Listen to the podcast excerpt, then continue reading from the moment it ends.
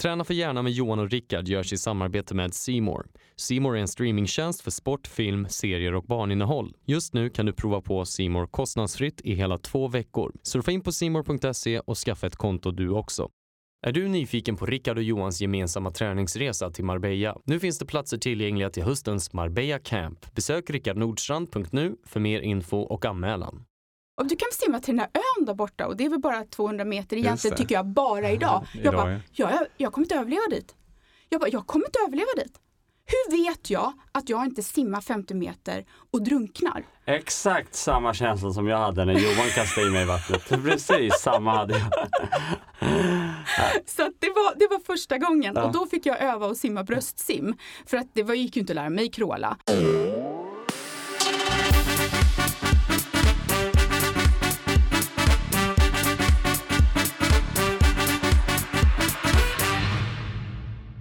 Hej och välkommen till Träna för hjärnan med Rickard Norsan och Johan Norén. Och idag har vi ingen mindre än Power Woman här på besök. Hej och välkommen! Hej, tack! Kan du berätta lite om vem är du för våra lyssnare? Ja, jag är 43 år och jag är ensamstående morsa. Eh, Jag har två barn, en Gustav som är 12 år och en Wilhelmina som är 9. Eh, Är de också sportintresserade? Ja, min eh, lilla kille är hockeyfanatiker. Okej. Eh, och det är jätteroligt. Han har, och det är att han har själv valt det. Det är Ja. ingenting som jag eller någon annan har varit på utan han är oerhört engagerad i hockeyn. Och han Vad tränar roligt. varje dag. Nu är det ju inte säsong Nej. men när det är säsong så tränar han varje dag. Och så Och har han ju matcherna på helger. Äh, Brinken. För det är, Ja, det är Östermalm här Ja, uppe. så det är det Ja, enda som kul. finns mitt inne i stan. Det. Och det som är bra, jag tycker det, är- det är väldigt uppfostrande på ett sätt att han har fått ta sig ända sedan två år tillbaka egentligen. För ska han göra det fick han ta sig själv. Och det ville han. Så han har liksom själv skött sin liksom hämtning och lämning och organiserat kring med för andra föräldrar när han ska åka på matcher och grejer. Så att han har vuxit Wow, hur jättemycket gammal i var han så?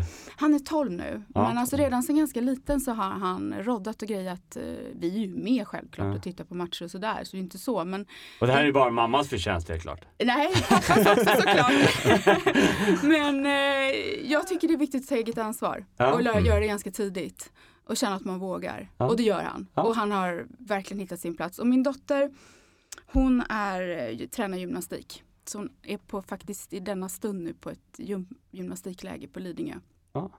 Trevligt. Så att hon eh, är ständigt rörande. Hon eh, gör volter och flickisar och saltomortaler och går i brygga hela tiden. Men, men känner du då som, som mamma i det här fallet att du, när de har varit på sina aktiviteter, att det blir lugnare, skönare, bättre stämning hemma? Kan du relatera till något sånt? Alltså generellt, jag och mina barn, vi har en väldigt lugn stämning Mm. eh, hemma ändå. För i vårat hem där vilar vi.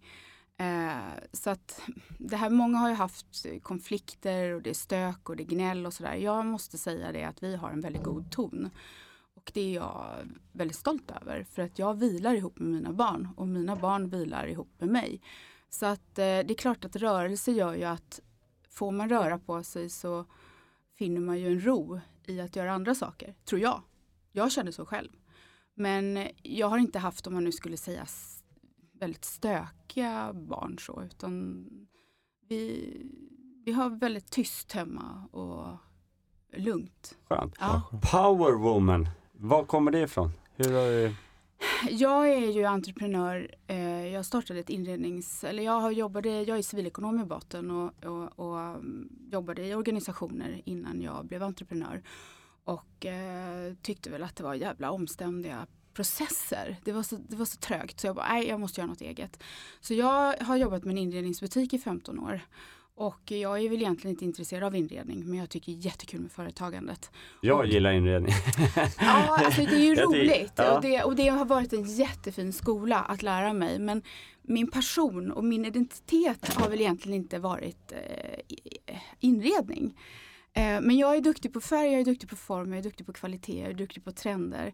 Så att det har ju varit en jättefin skola. Men när jag har fött barn, eh, skilt mig och eh, sådär så kände jag, vad ska jag göra nu? För att det måste finnas något annat att göra. Och då gick jag ungefär i två års tid efter min separation eh, och funderade på vad, vad, vad ska jag göra?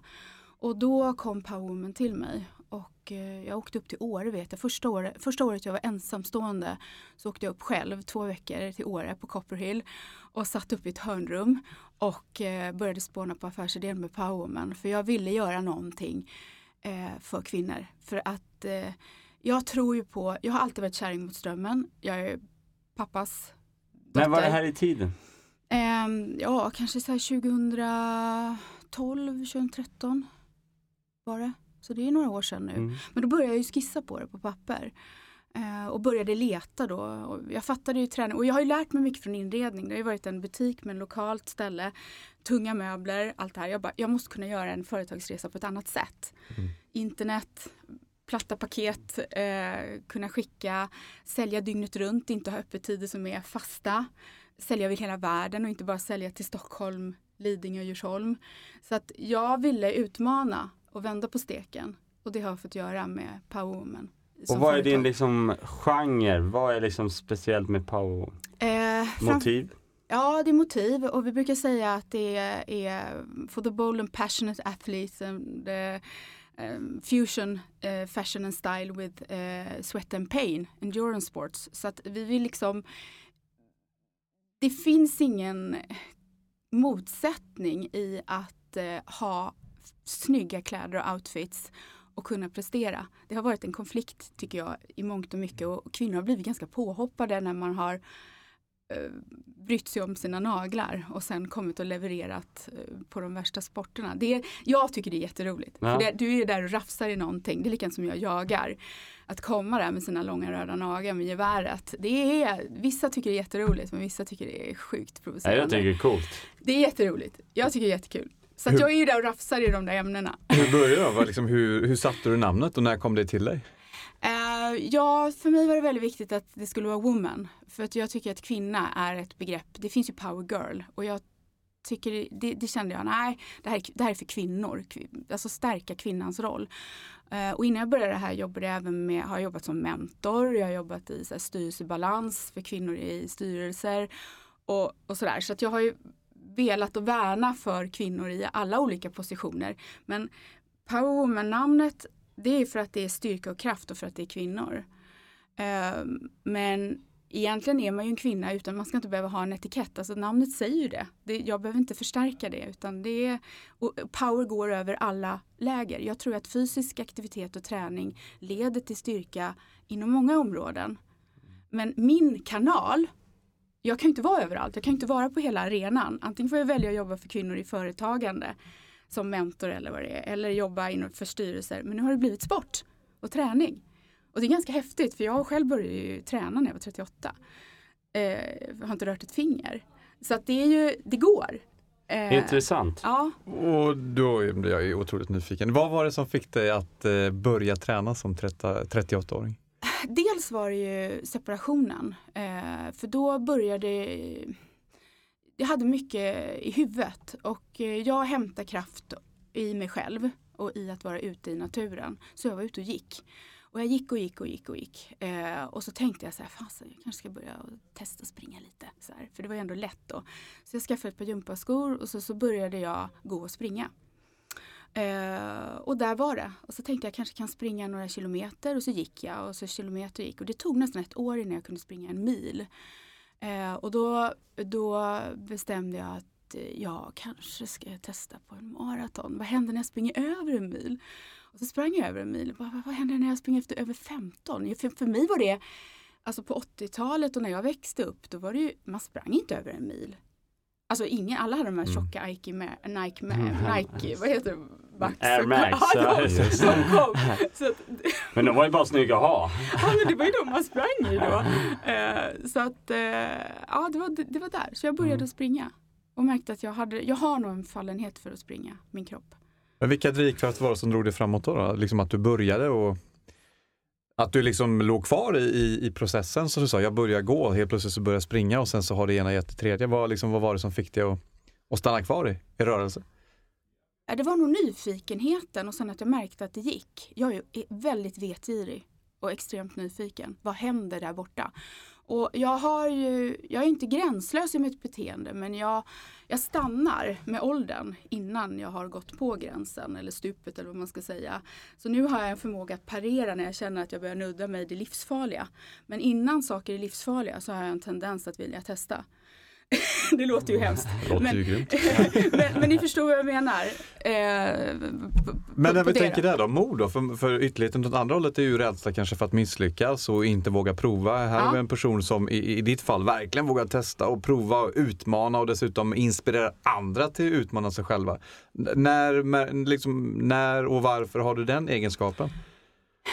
Jag tror att den måste sitta i att jag är, jag skiter faktiskt i om någon annan tycker att jag är skit. Eh, Och då kommer vi in på ännu mer spännande grejer, det här med att hur andra tycker om en själv. Liksom. Precis, men, men det där har jag nog fått hemifrån. Eh, att min mamma var ju så här, skit, skit i vad andra tycker. Det har hon, hon kommer från Finland. Och det är så här, gör vad du själv tycker. Liksom sådär. Och hon biter ihop och jobbar.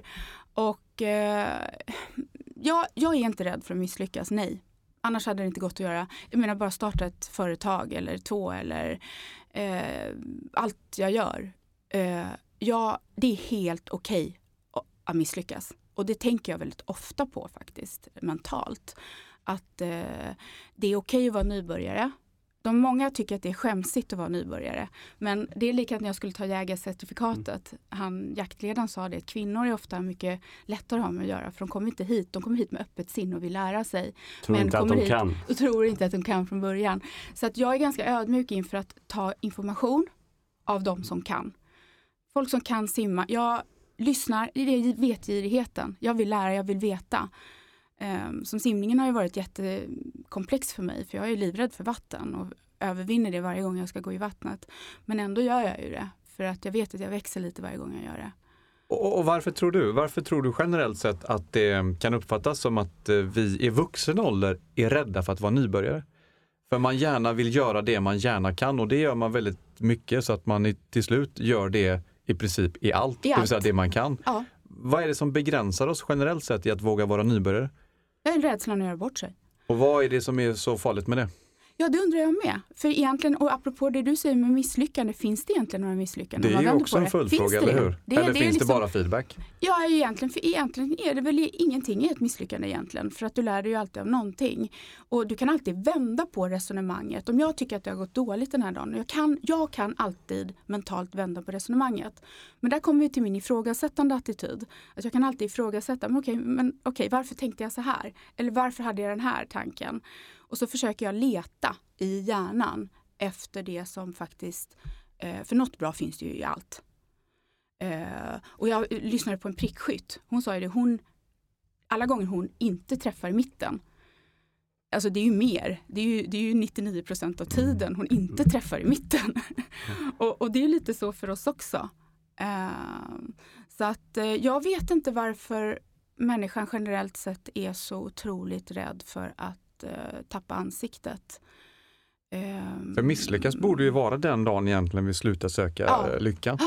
Och så länge vi Försöka. försöker så lär vi oss nya saker. ja. Att vi är ständigt i lärandeprocesser, precis så som vi gjorde när vi var barn. För det var ju ett ständigt lärande. Men Ja. upplevelsen är att när vi blir vuxna så skapar vi det här förväntanspressen på oss själva att vi ska kunna i princip allt utan att träna för det. Ja, det är inte klokt. Det är omöjligt. Det är Alltså, ju ju otroligt fascinerande fenomen om Mm. inte annat. Men hur får du in din träning då? Nu när du säger att du är ensamstående och har två barn. Det är ju oftast en, liksom en, något som folk använder just för att strunta i att träna. Har det som en ursäkt. Men i ditt fall som ändå kör eh, Ironman, det tar ändå lite tid. Det är mycket träning och det Mm. är lång träning. Nu har jag, eh, jag kände faktiskt det att jag, jag tog hjälp av en coach för att slippa eh, ta ans eller inte ta ansvaret men att slippa tänka på ett upplägg. För att eh, det, det är inte min kompetens. Jag tar gärna in kompetenser, folk som kan saker, de ska göra det de är bra på. Så att eh, Klas hjälper mig att tänka. Och nu kan jag lite mentalt koppla bort. Jag läser på pappret vad jag ska göra. Sen går jag mycket på känsla såklart. Jag går inte över om jag inte om det är något som inte funkar rent kroppsligen eller tidsmässigt. Då får jag ju möblera om lite i schemat om det inte fungerar. Men jag är väldigt plikttrogen med både jobb och allting det jag säger att jag ska göra. Det gör jag. Eh, Och då vet han att jag gör det och det jag gör det försöker jag alltid göra bra. Eh, jag kanske inte alltid behöver göra 100% eller 110% men i alla fall komma upp 75-80% och då ska jag vara nöjd. Då kan jag stänga liksom, där, där har jag gjort mitt helt okej. Så man behöver inte för driva, för innan jag var yngre drevs jag hela tiden över att, att prestera liksom upp mot max hela tiden. Och det blir väldigt slitsamt. Eh, jag märker liksom att det räcker med att jag, jag levererar upp, nästan upp till den nivån. För vad är mått, måttstocken med max gentemot andra? Och träningen där, jag tränar, jag får in det, eh, jag pusslar in det.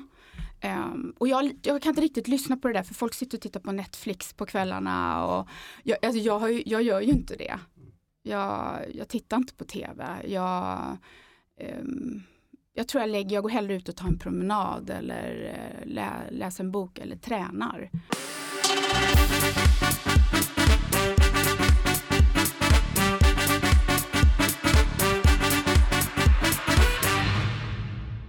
Men det är ju intressant i alla fall för du är egen företagare, det tar ju mycket tid. Ja, Du jättemycket är tid. mamma med två barn, det Ja, också tar mycket det är tid. Det är, två, det är ju två faktorer som man brukar skylla på. Ja. Jag har inte tid. Men i ditt fall Ja, Jag så tar mig tid. tar du dig tid. Jag tar mig tid. För det är viktigt. Träningen gör att de andra grejerna blir bättre. Hur då, om man är där hemma och känner så här, men om hon lyckas, hur ska jag kunna lyckas? Vad är ditt liksom recept till det? Jag tror många går och väntar på att de ska känna sig supermotiverade och ha lust. Jag tycker det är någonting som jag ser rätt mycket av nu i sociala medier. Att man ska tycka att allting är jätteroligt och man ska alltid ha lust med det man gör. Och det kan jag säga, ja, 90% av fallen har jag inte lust.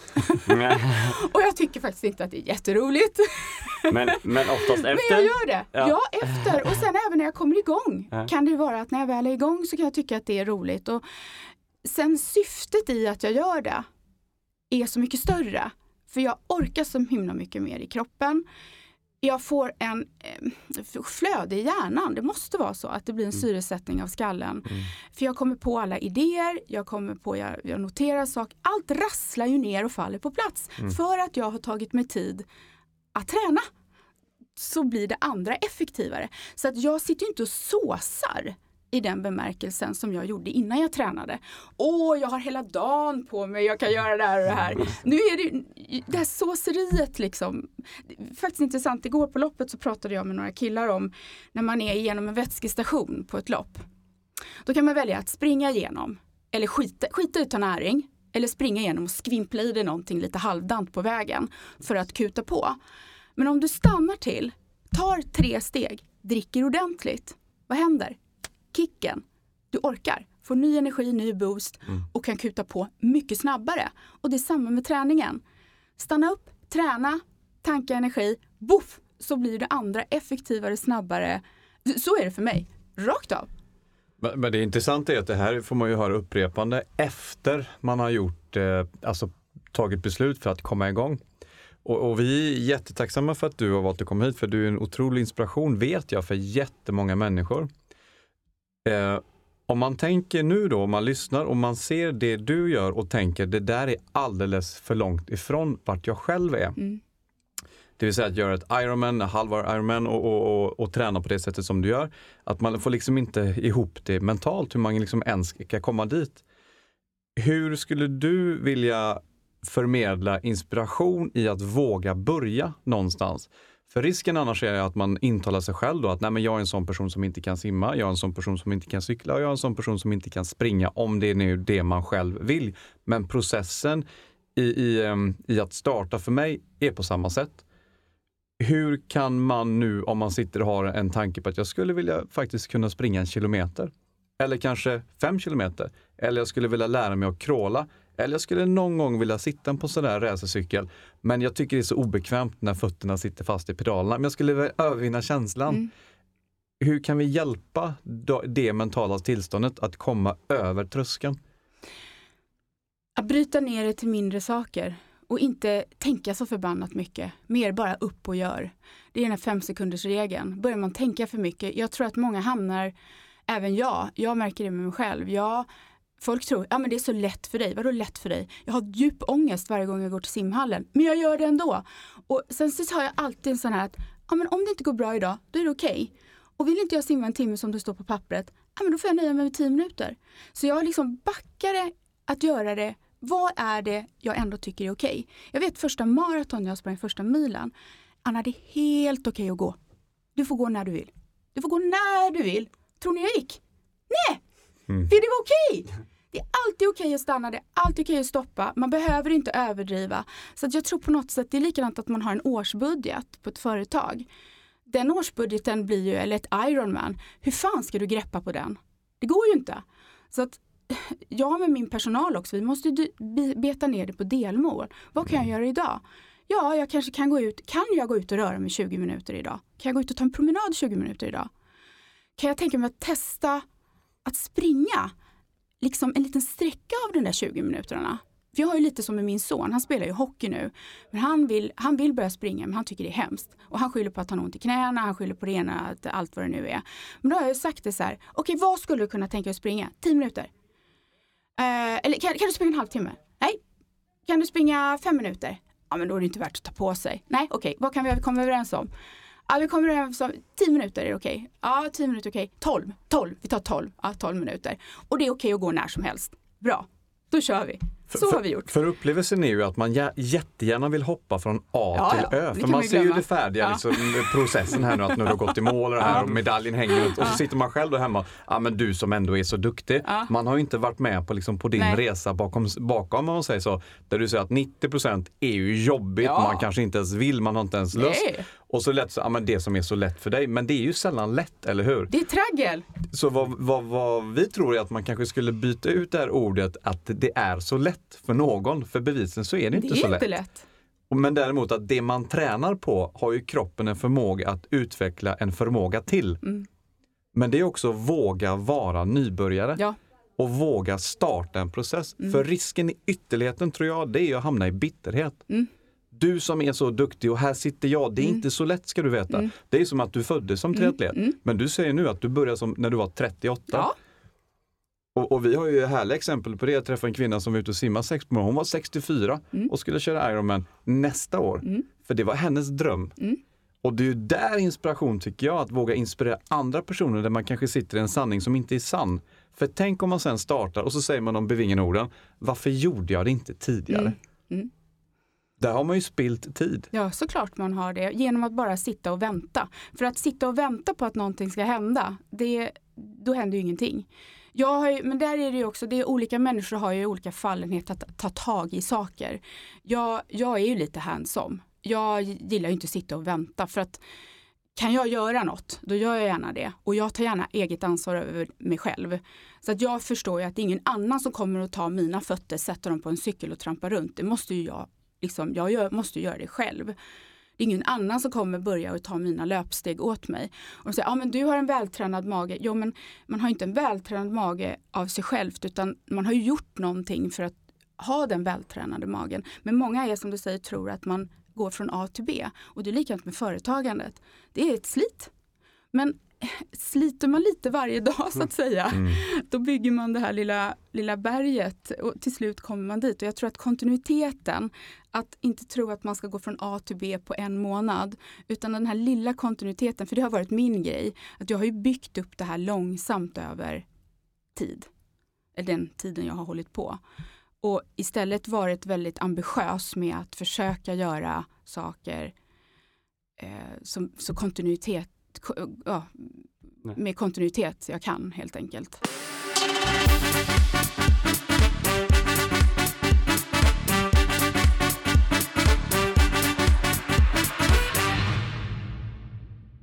För om man säger det här med liksom små, små steg har en tendens att skapa fördelaktiga konsekvenser. Ja.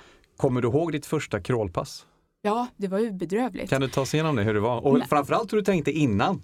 Nej, men jag var så livrädd. Eh, för det första var det inte första crawlpasset för att jag var så här att jag hade ju ställt upp som en, det är typiskt mig också, för att min pappa han är så här, eh, är det någonting vi ska göra? Ja, säger han. Så han och det jag är lite samma. Ja.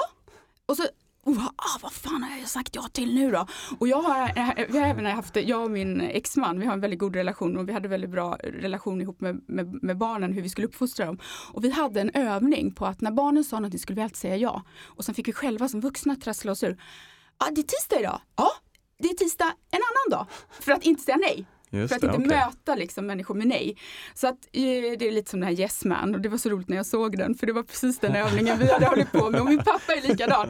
Så att jag hoppade på faktiskt en tjej som sa så här, ah, du kan göra det här, jag bara, eh, multisportloppet i Göteborg. Jag bara, ja ah, det kan jag göra. Kan du simma? Nej, det kan jag inte. Jag visste inte att jag kunde bröstsimma. Så jag ringde Micke Rosén, fick googlade upp honom.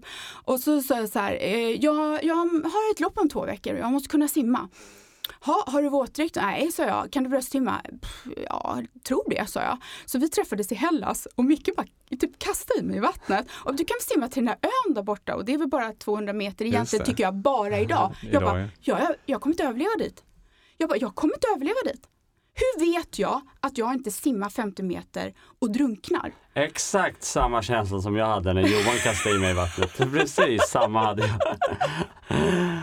Så det, var, det var första gången Ja. och då fick jag öva att simma bröstsim. För att det var, gick ju inte att lära mig kråla. Ehm, Ja du hör, jag fick börja kråla direkt. Det kanske var det som gjorde att du fortsatte och inte jag. jag vet inte, men sen träffade jag simcoachen eh, som har, de hade en eh, snäll, så jag tog faktiskt några PT-timmar där och började min resa och då träffade jag Anna som gör eh, ute utanför Stockholm och då började vi. Och då var det det här med att börja ha huvudet bara eh, under ytan. För för mig är det fullkomligt onaturligt att försöka andas när du har vatten i ansiktet. Och det är ju en instinkt som ska trigga rädsla. För att vi är ju inte skapta för att andas med huvudet ner i vattnet. Det här Alltså, tror det är jag vi kan känna igen oss många som lyssnar. Hur kan man liksom jobba bort den då? För det här kommer vi in på mentala aspekter då, liksom att våga ligga kvar i en jobbig process. Ja, Kommer det är du, kommer du ihåg liksom hur du övervann den här rädslan? Eh, ja, nej, jag kan känna att jag har, jag, vet ni vad, jag har, jag har inte gett mig. Jag bestämde mig och det handlar om att bestämma sig. Jag ska kunna simma fritt och inte känna att kan jag, överlever jag eller inte? Och jag vill till och med bli bra på det. Så, så det bestämde jag. Jag ska fan bli bra på det här. Och det sa Micke. Du kan bli, du kan bli riktigt snabb, sa han. Jag bara, va? Ja, med din fysik, du kan bli snabb liksom.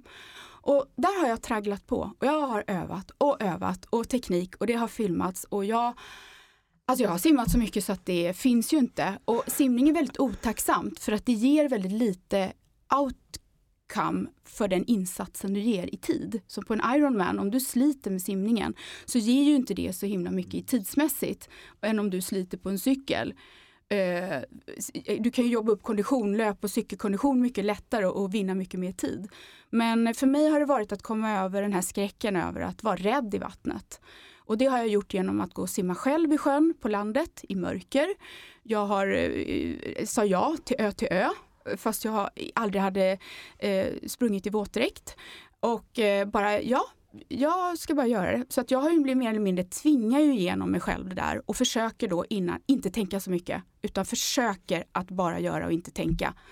Men jag är ju så livrädd så jag dör. Men det här är ju så otroligt inspirerande för att om man nu sitter då och önskar att ah, men jag önskar ju också jag vore en person som sa ja oftare. För det kanske är så att man får liknande frågor som du får. Mm. Men man säger nej med rädslan för att göra bort sig. Men man, magen bara skriker, jag skulle så jättegärna vilja säga ja. Men det som kommer ut är nej. Mm. För det jag hör är, det är ju samma som du berättade när du fick frågan om hästhoppningen. Mm. Ni säger ju i princip samma sak fast du fick ju frågan om att vara med i hästhoppning. Du har ju inte ridit, du har ju aldrig suttit på en häst sa du. Nej precis. Och du sa ju ja innan du ens kunde rida. ja. Men din hjärna letar ja innan du letar nej. ja, för jag trodde precis, jag sa ja utan att tänka och tänkte nej men det där klarar väl jag. Men sen märkte jag att det var det var ju mycket, man fick ju verkligen lägga all in. Det var ju inte bara liksom komma den dagen utan jag var ju verkligen i stallet två gånger om dagen i två veckor för att liksom klara det där. Och så ringde du upp och bad om hjälp vet jag och, och skaffa någon som kunde rida, lära dig att rida, dra dig igenom Mm. processen, livrädd Mm. på hästen, tänker man åker av allt det här. Mm. Så processen är ju liknande. Det är samma. Men, men där är ju liksom inspirerande, okej men hur är mekanismen då för att lära upp sig det? För säg nu att man sitter och tänker, ja det är jätteinspirerande, ja det låter jättebra, jo men jag skulle ju också vilja.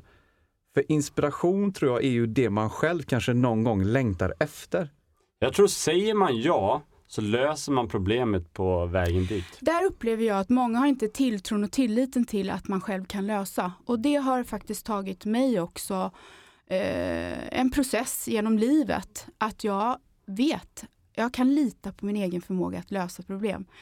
Jag löser det här. Och det gör jag med mycket. Det är därför jag vågar ta på mig företagande, jag vågar ställa mig på startlinjen, jag vågar göra grejer. Jag tänker så här, ja, jag löser det. Och jag får lösa det. Och där kommer vi in på det här med tillit till sig själv. Mm. Och det kallas ju för självförtroende. Vi väljer ibland för att separera självförtroende och självbild. Men tillit till sig själv, Mm. egen tro. Mm. Hur tror du att man kan jobba upp den oavsett vad man har varit med om innan, från och med idag? Om man nu går exempel på en powerwalk eller sitter i bilen och lyssnar på det här. Hur tror du att man kan börja exakt precis just nu? Våga testa lite små saker. Det är ju det, det är KBT. Och det är det vi jobbar med. Hur kan man utmana sig själv då? Hur kan man våga? Nej, men jag har lyssnat på det här, jag läser dina texter, jag till och med köper dina kläder, men ah, det där nejet vinner ju. Men jag skulle så jättegärna vilja. Jag med liksom. Ja, och det möter jag många som verkligen vill våga, vill testa. Ehm, ja, säga ja utan att tänka då. Försöka, men det är också svårt att säga för man tänker ju. Men det är den här femsekundersregeln. Säg, gör innan du har börjat, hjärnan börjar och, och komma med så sunt förnuft. Um, och det är svårt att säga till människor som inte litar på sin förmåga att försöka lita på sin förmåga att lösa saker. Men jag är ju så här, ja men om jag inte löser det då, jag, alltså, när jag skulle spela klarinett i skolan och jag kände att nej, det här kommer inte gå bra.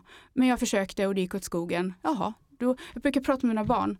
Vad är det värsta som, liksom, man ska aldrig säga så här, vad är det som värsta kan hända? För då är det of attraction och tänker man på det som är dåligt och inte det som är bra och sådär. Men ehm,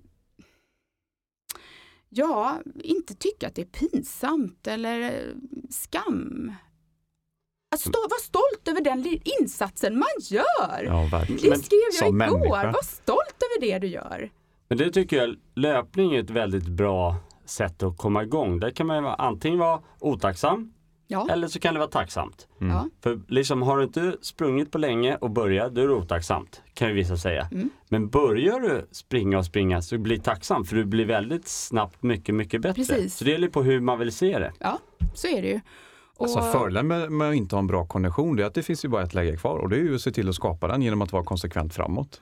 Ja, och sen den och stora steg, grejen är ju att är man nybörjare och man har dålig kondition, det är ju då man har de bästa förutsättningarna Exakt. att öka. För fan, Exakt. kurvan går ju bara spikrakt uppåt. Det värsta är ju sen när man börjar bli jävligt duktig på någonting, att liksom skruva till det. Mm. Det är ju det är för fasen ett helvete. När man börjar först att kråla, då var det ju bara att överleva liksom och röra sig. Nu då, äh, då är det ju en himla vinkel där och det är någon gradskillnad där och det är någon armbåge där. Så att då blir det plötsligt så komplext så man ska ju njuta av att få vara nybörjare. Mm. det är så sällan man får vara det. Men, ja men absolut och det, det är så fascinerande just att vi Oftast när vi var barn upplevde vi att vi kunde vara mycket lek och nybörjare. Ja. Och sen när vi blev vuxna då skulle vi få den här, eller då skapar vi den här förväntan på oss själva. Ja. För jag möter ju också som man pratar med, med män emellan exempel att det här med att simma, nej men jag kan ju inte kråla. Mm. Hur mycket har du tränat i frågan? Nej det har jag ju aldrig gjort. Så man förväntar sig kunna exempel kråla utan att ens ha börjat bröstträna. Alltså det faller ju på rimlighetsprincipen. Alltså det är ju helt orimligt. Nej men det går ju inte. Men ändå sätter vi upp sådana stora krav på oss Det är själva. mycket märkligt. Det är mycket märkligt. Att man liksom kan inte ens se sig själv gå på en nybörjarkurs. Alltså det är helt otänkbart, för hur skulle det, de se på mig då? För mig är det intressant med de människorna som vågar gå på nybörjar och som är nyfikna, som ställer frågor. Det är ju Det otroligt är spännande. så spännande. Det är så spännande och jag tänker på all, all, allt nytt, eh, nya nervbanor och allt som Precis. händer i huvudet och eh, simning just eller man tar ridning eller jag tänker på golf eller många grejer där man måste göra många olika moment samtidigt. Eh, alltså löpning är ganska enforma och enkelt. Men vissa andra, simning är ju väldigt komplext. Eh, som idrott, det är mycket grejer du ska få ihop.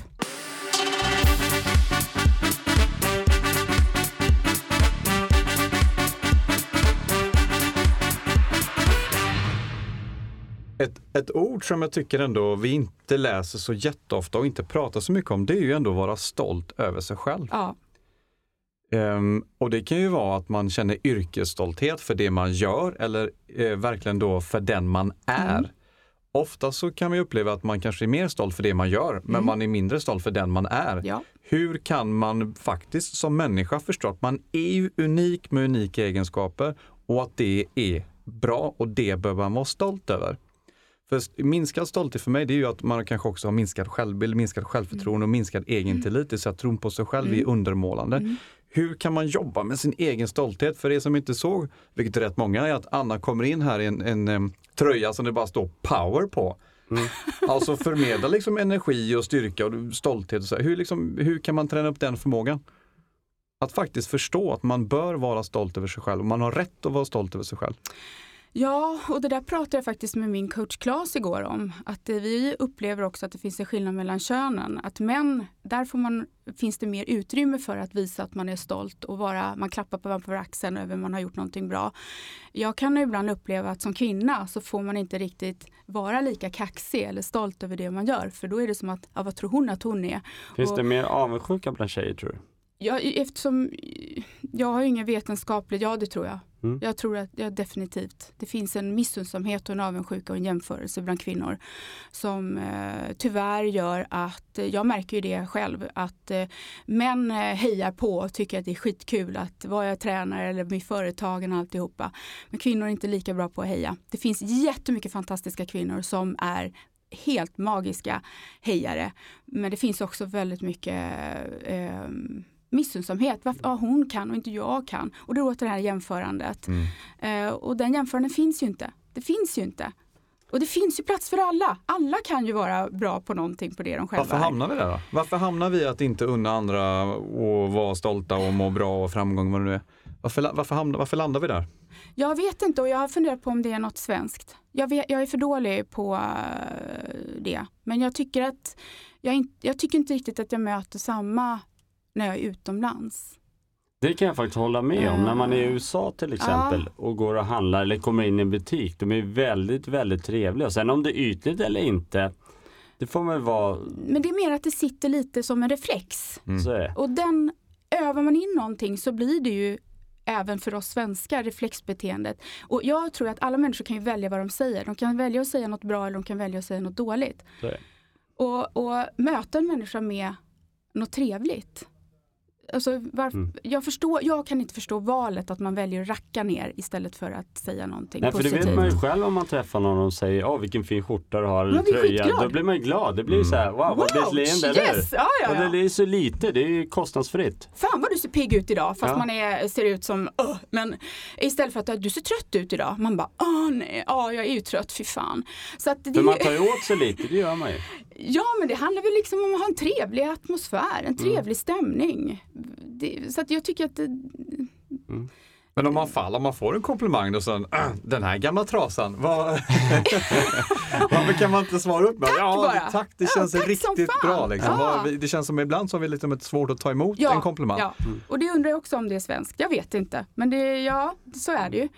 Folk blir lite generade när man säger någonting som, vad fin du är. Men folk blir så glada. Det vet jag, vi jobbar på Bohem, mina säljare där. De var så jävla duktiga. De var alltid glada och gav mycket komplimanger till kunder. Folk blir så här, "Åh, åh, så här, de blir helt rörda över alla. Och det var inget, det var för att min, mina, de jag jobbar med var sådana. Och det, många, det upplever vi många gånger, först, eller många gånger första gången när de springer ett lopp, ett halvmaraton, en mil eller vad det nu än är. Ja. Vad kul det är att så många hejar. Ja, ja. Och liksom, loppet i sig är inte det man pratar om utan det är ah, shit vad kul att så många ropade och Mm. skrek och sådär. Det känns som att vi ändå har en bristvara. Vi liksom ligger lite på minus i det Ja. här med komplimanger från början. Så när vi väl får dem så blir det så överväldigande så att man blir fäst i det.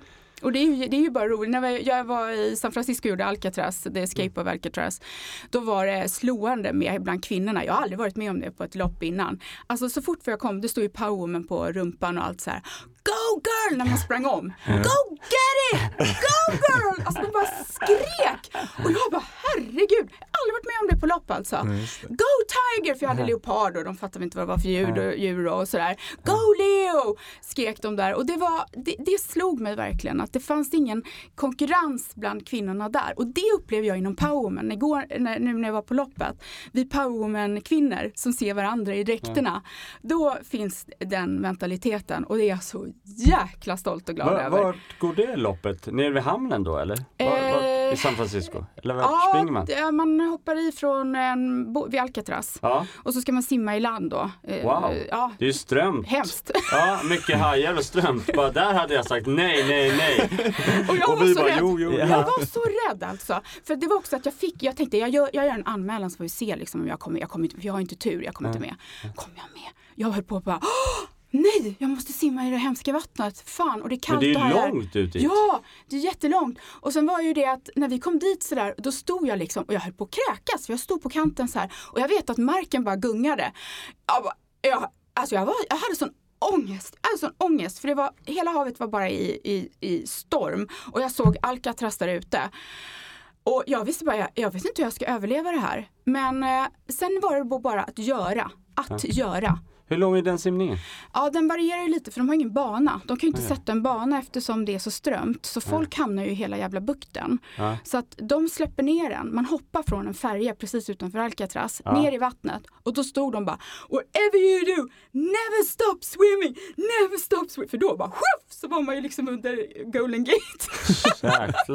Så att, och så var det så här, okej, you're going to the right, but swim to the left, never stop swimming to the left. Jag bara, va? Så, här, så att man simmade liksom hela tiden åt vänster och skulle titta på någon så byggnad åt vänster. Och så skulle man liksom upp på land, tre, två och en halv kilometer ditåt. Jaha, wow. Så det var, det var insane alltså. Men sprang man då på det gamla fängelset? På, inne Nej. på det eller? Nej, man hoppade ner i vattnet, så in till land till Ja, hamnen och så, så, så cyklade man. Och då Ja. hade mina växlar gått sönder på cykeln. Oj. Så jag hade en växel i San Francisco där det är så här Det är backigt. bara upp och ner? Jag vet. Och, jag, och då fick jag ju en mentalt bryt. Liksom. Jag bara, och då vet jag att jag tänkte själv, antingen så klappar jag ihop här och blir en grinig unge, eller så reser jag mig upp och tar tag i det här.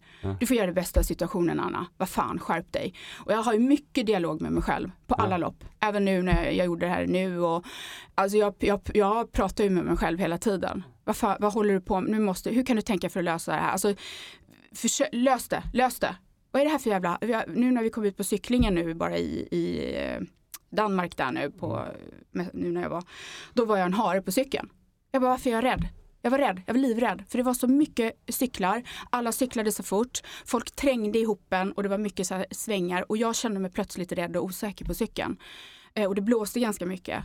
Och där var jag tvungen att koppla om min skalle. Att eh, nej men du kan inte sitta här och vara hare nu, nu måste du skärpa mig. Men det tog sju mil och det var bara nio mil på cykeln. Så efter sju mil då, då släppte rädslan och jag kände mig bekväm. Eh, så att det går inte att säga liksom att det är så lätt för dig och du har inga så här, jag har dödsångest och panik och rädslor som alla andra. Men jag bestämmer mig att det ska inte stoppa mig.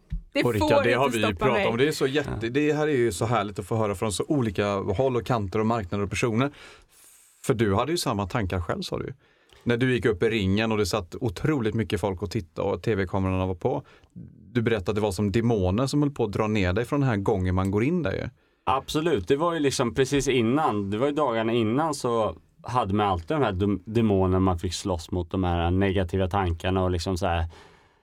Nej men, jag vet inte vad det blir med hjärnan men den letar liksom det negativa och vill liksom så ja ah, men näst sista passet var inget bra och oj han har ju tränat jättemycket, han har varit där och tränat och börjar liksom hitta dem där och de fick man ju liksom sålla åt sidan och liksom ofta så, det var ju väldigt sällan man liksom hade med sig dem hela vägen in i ringen. För när man liksom på, på den här tiden när man liksom när man uppropat sitt namn över liksom skarpt läge, då försvann de. Det var nästan som någon tryck på en knapp. Men tills dess så fick man ha dem där i baktanken.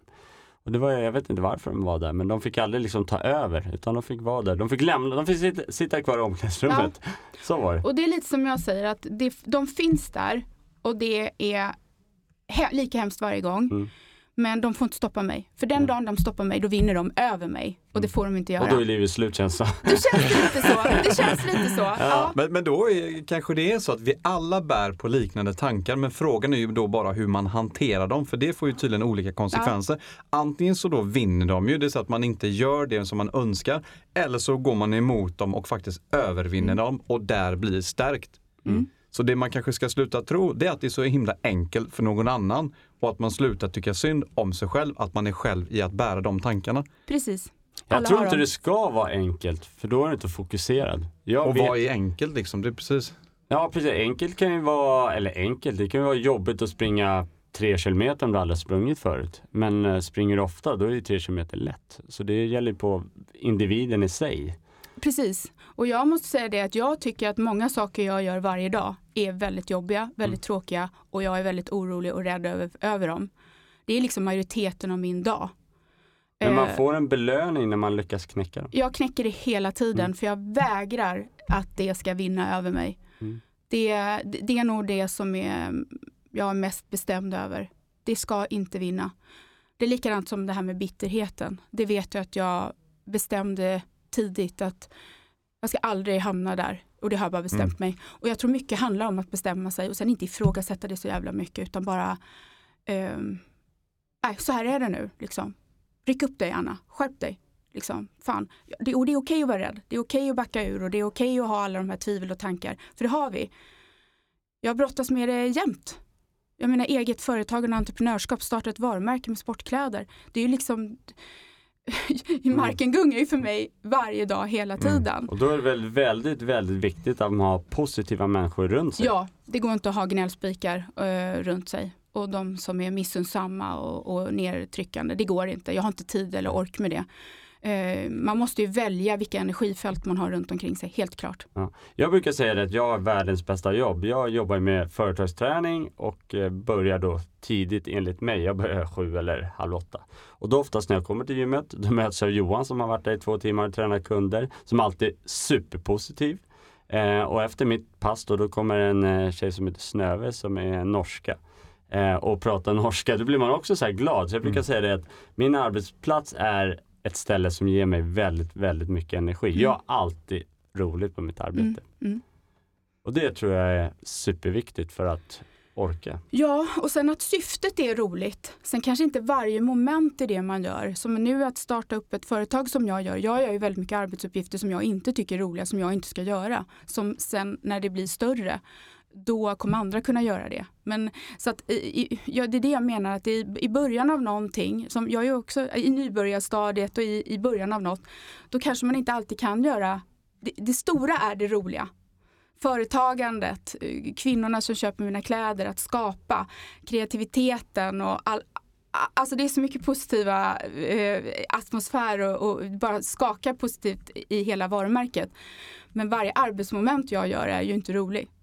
Men eh, det går inte att titta på varje enskild del utan man måste se the big picture. Men många tror att allt ska vara roligt. Och det är ju likadant hemma. Det är inte roligt att borsta tänderna, det är inte roligt att laga mat alltid, det är inte roligt att plocka ut tvättmaskinen och diskmaskinen. Men allt det där grundjobbet måste ju ändå göras. Sen kan man ändå tycka, jag vet att jag i alla fall jävligt bra har det ganska mysigt och roligt i det lilla. Och mina barn är så roliga och säger, mamma det är alltid guldkant hos dig. Jag bara, vadå guldkant? Vad menar du? Ah, det är alltid guldkant hos dig, det är alltid lite fest. Och det är det att jag har ju alltid lite fest Alltid med mig lite själv. fest Rickard. Ja, nej, men det är det jag, När blir man inbjuden? När kan vi komma alltså, på den? jag kan tycka att det är alltid lite fest bara jag får vara själv. Bara jag får vara ute på Djurgården och så här, då tycker jag det är lite mysigt. Det är lite fest för jag får ju vara med mig själv. För mig själv jag älskar att vara själv. Liksom. Jag behöver inte andra människor för att ha roligt. Och, eh, men då vet, frågade jag mina barn, så här, vad, vad är det som är guldkant? Det får ligga i sängen, äta kanelknäckebröd, dricka te och titta på Ullared. Vi tittade någon gång så här, ibland på vad heter TV4 Play Ja, på. Ullared.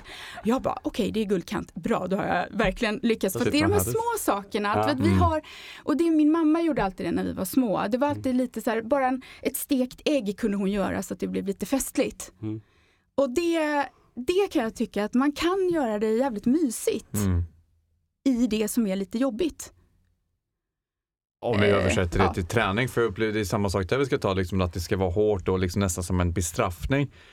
Min tolkning kan vara att det kan vara verkligen härligt att träna. Ja. Skaffa eh, härliga påslag och sen också härliga vänskaper och gemenskaper i träning. Mm.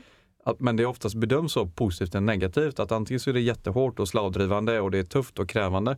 Men också kanske skapa njutning i träningen. Ja, och det är det, allt blir ju till vad man gör det. Det blir ju så jävla klyscha att säga det, men det blir ju det. Om det är snöväder ute och ruskigt, då kan man tänka bara, nej fy fan vad ska jag ut i det här? Eller så tänker man, fan vad mysigt. Det är bara jag och jag ska ut och tassa i det här. Och jag har på mig kläderna, jag är torr inuti. Och så får jag vara ute i min bubbla och kanske ha bra musik. Jag får Det- lägga mig i det varma badet när jag Efteråt, kommer hem. ja, precis, jag kan tycka att det är jävligt mysigt då för att göra de där grejerna. Så att jag kan, likadant jag har ibland varit ute och springer med folk, de tycker det är så hemskt att springa. Medan jag, jag ser blommor, jag ser himmel, jag ser träd. Alltså för mig är det en ynnest att kunna röra mig. Så det handlar ju mycket om inställning tror jag. Att valet, eh, hur man, hur man ser och tänker. Jag, är, ju- jag, jag, vill, jag, vill, jag vill leva ett glatt liv och må bra och skratta och ha kul. Eh, Så då letar ju jag det, tror jag. Och det är du duktig på att förmedla också. När man läser dina det. um, sociala medier och man får ta del av dina inlägg så är det ju otroligt inspirerande och uh, läsa och ta del av. Ja, och jag kul. tycker det är Tack. superviktigt. Tack. Vad kommer man få se dig härnäst eh, i slutet av sommaren? Ja, nu har jag kommit med då på Norseman. Berätta, vad är detta? Eh, Norseman är, eh, det är, jag tror att det är ungefär 260 platser som eh, de släpper. Eh, och det går i Norge och det är en Ironman-distans, en full eh, Ironman, eh, det vill säga 4 kilometer 3,8 kilometer simring. Sen cyklar man 18 mil och sen springer man en maraton. Och eh, det brukar ju vara ganska saftigt i vanliga fall, men den här är, är väldigt extrem för du simmar i väldigt kallt vatten, hoppar i från en färja fem på morgonen. Du säger kallt vatten, det kan ju... ja, alltså det kan pendla allt mellan 8 till eh, 12 grader kanske, beroende på då hur, eh, hur fjällvattnet är som det rinner ner. Så det är extremt kallt. Finns det några bestämmelser för det där, hur länge man får simma i så kallt vatten? Ja, jag vet att något år var det för kallt. Då fick de korta simtiden eh, på halva sträckan. För att det gick inte. Det var för farligt helt enkelt att vara i vatten. Man blir för nerkyld. Eh, Men eh, man får, ju- jag får utgå från att den kanske ändå är Ja, säg att det är 10-11 grader, då, då, då får man ju bita i liksom.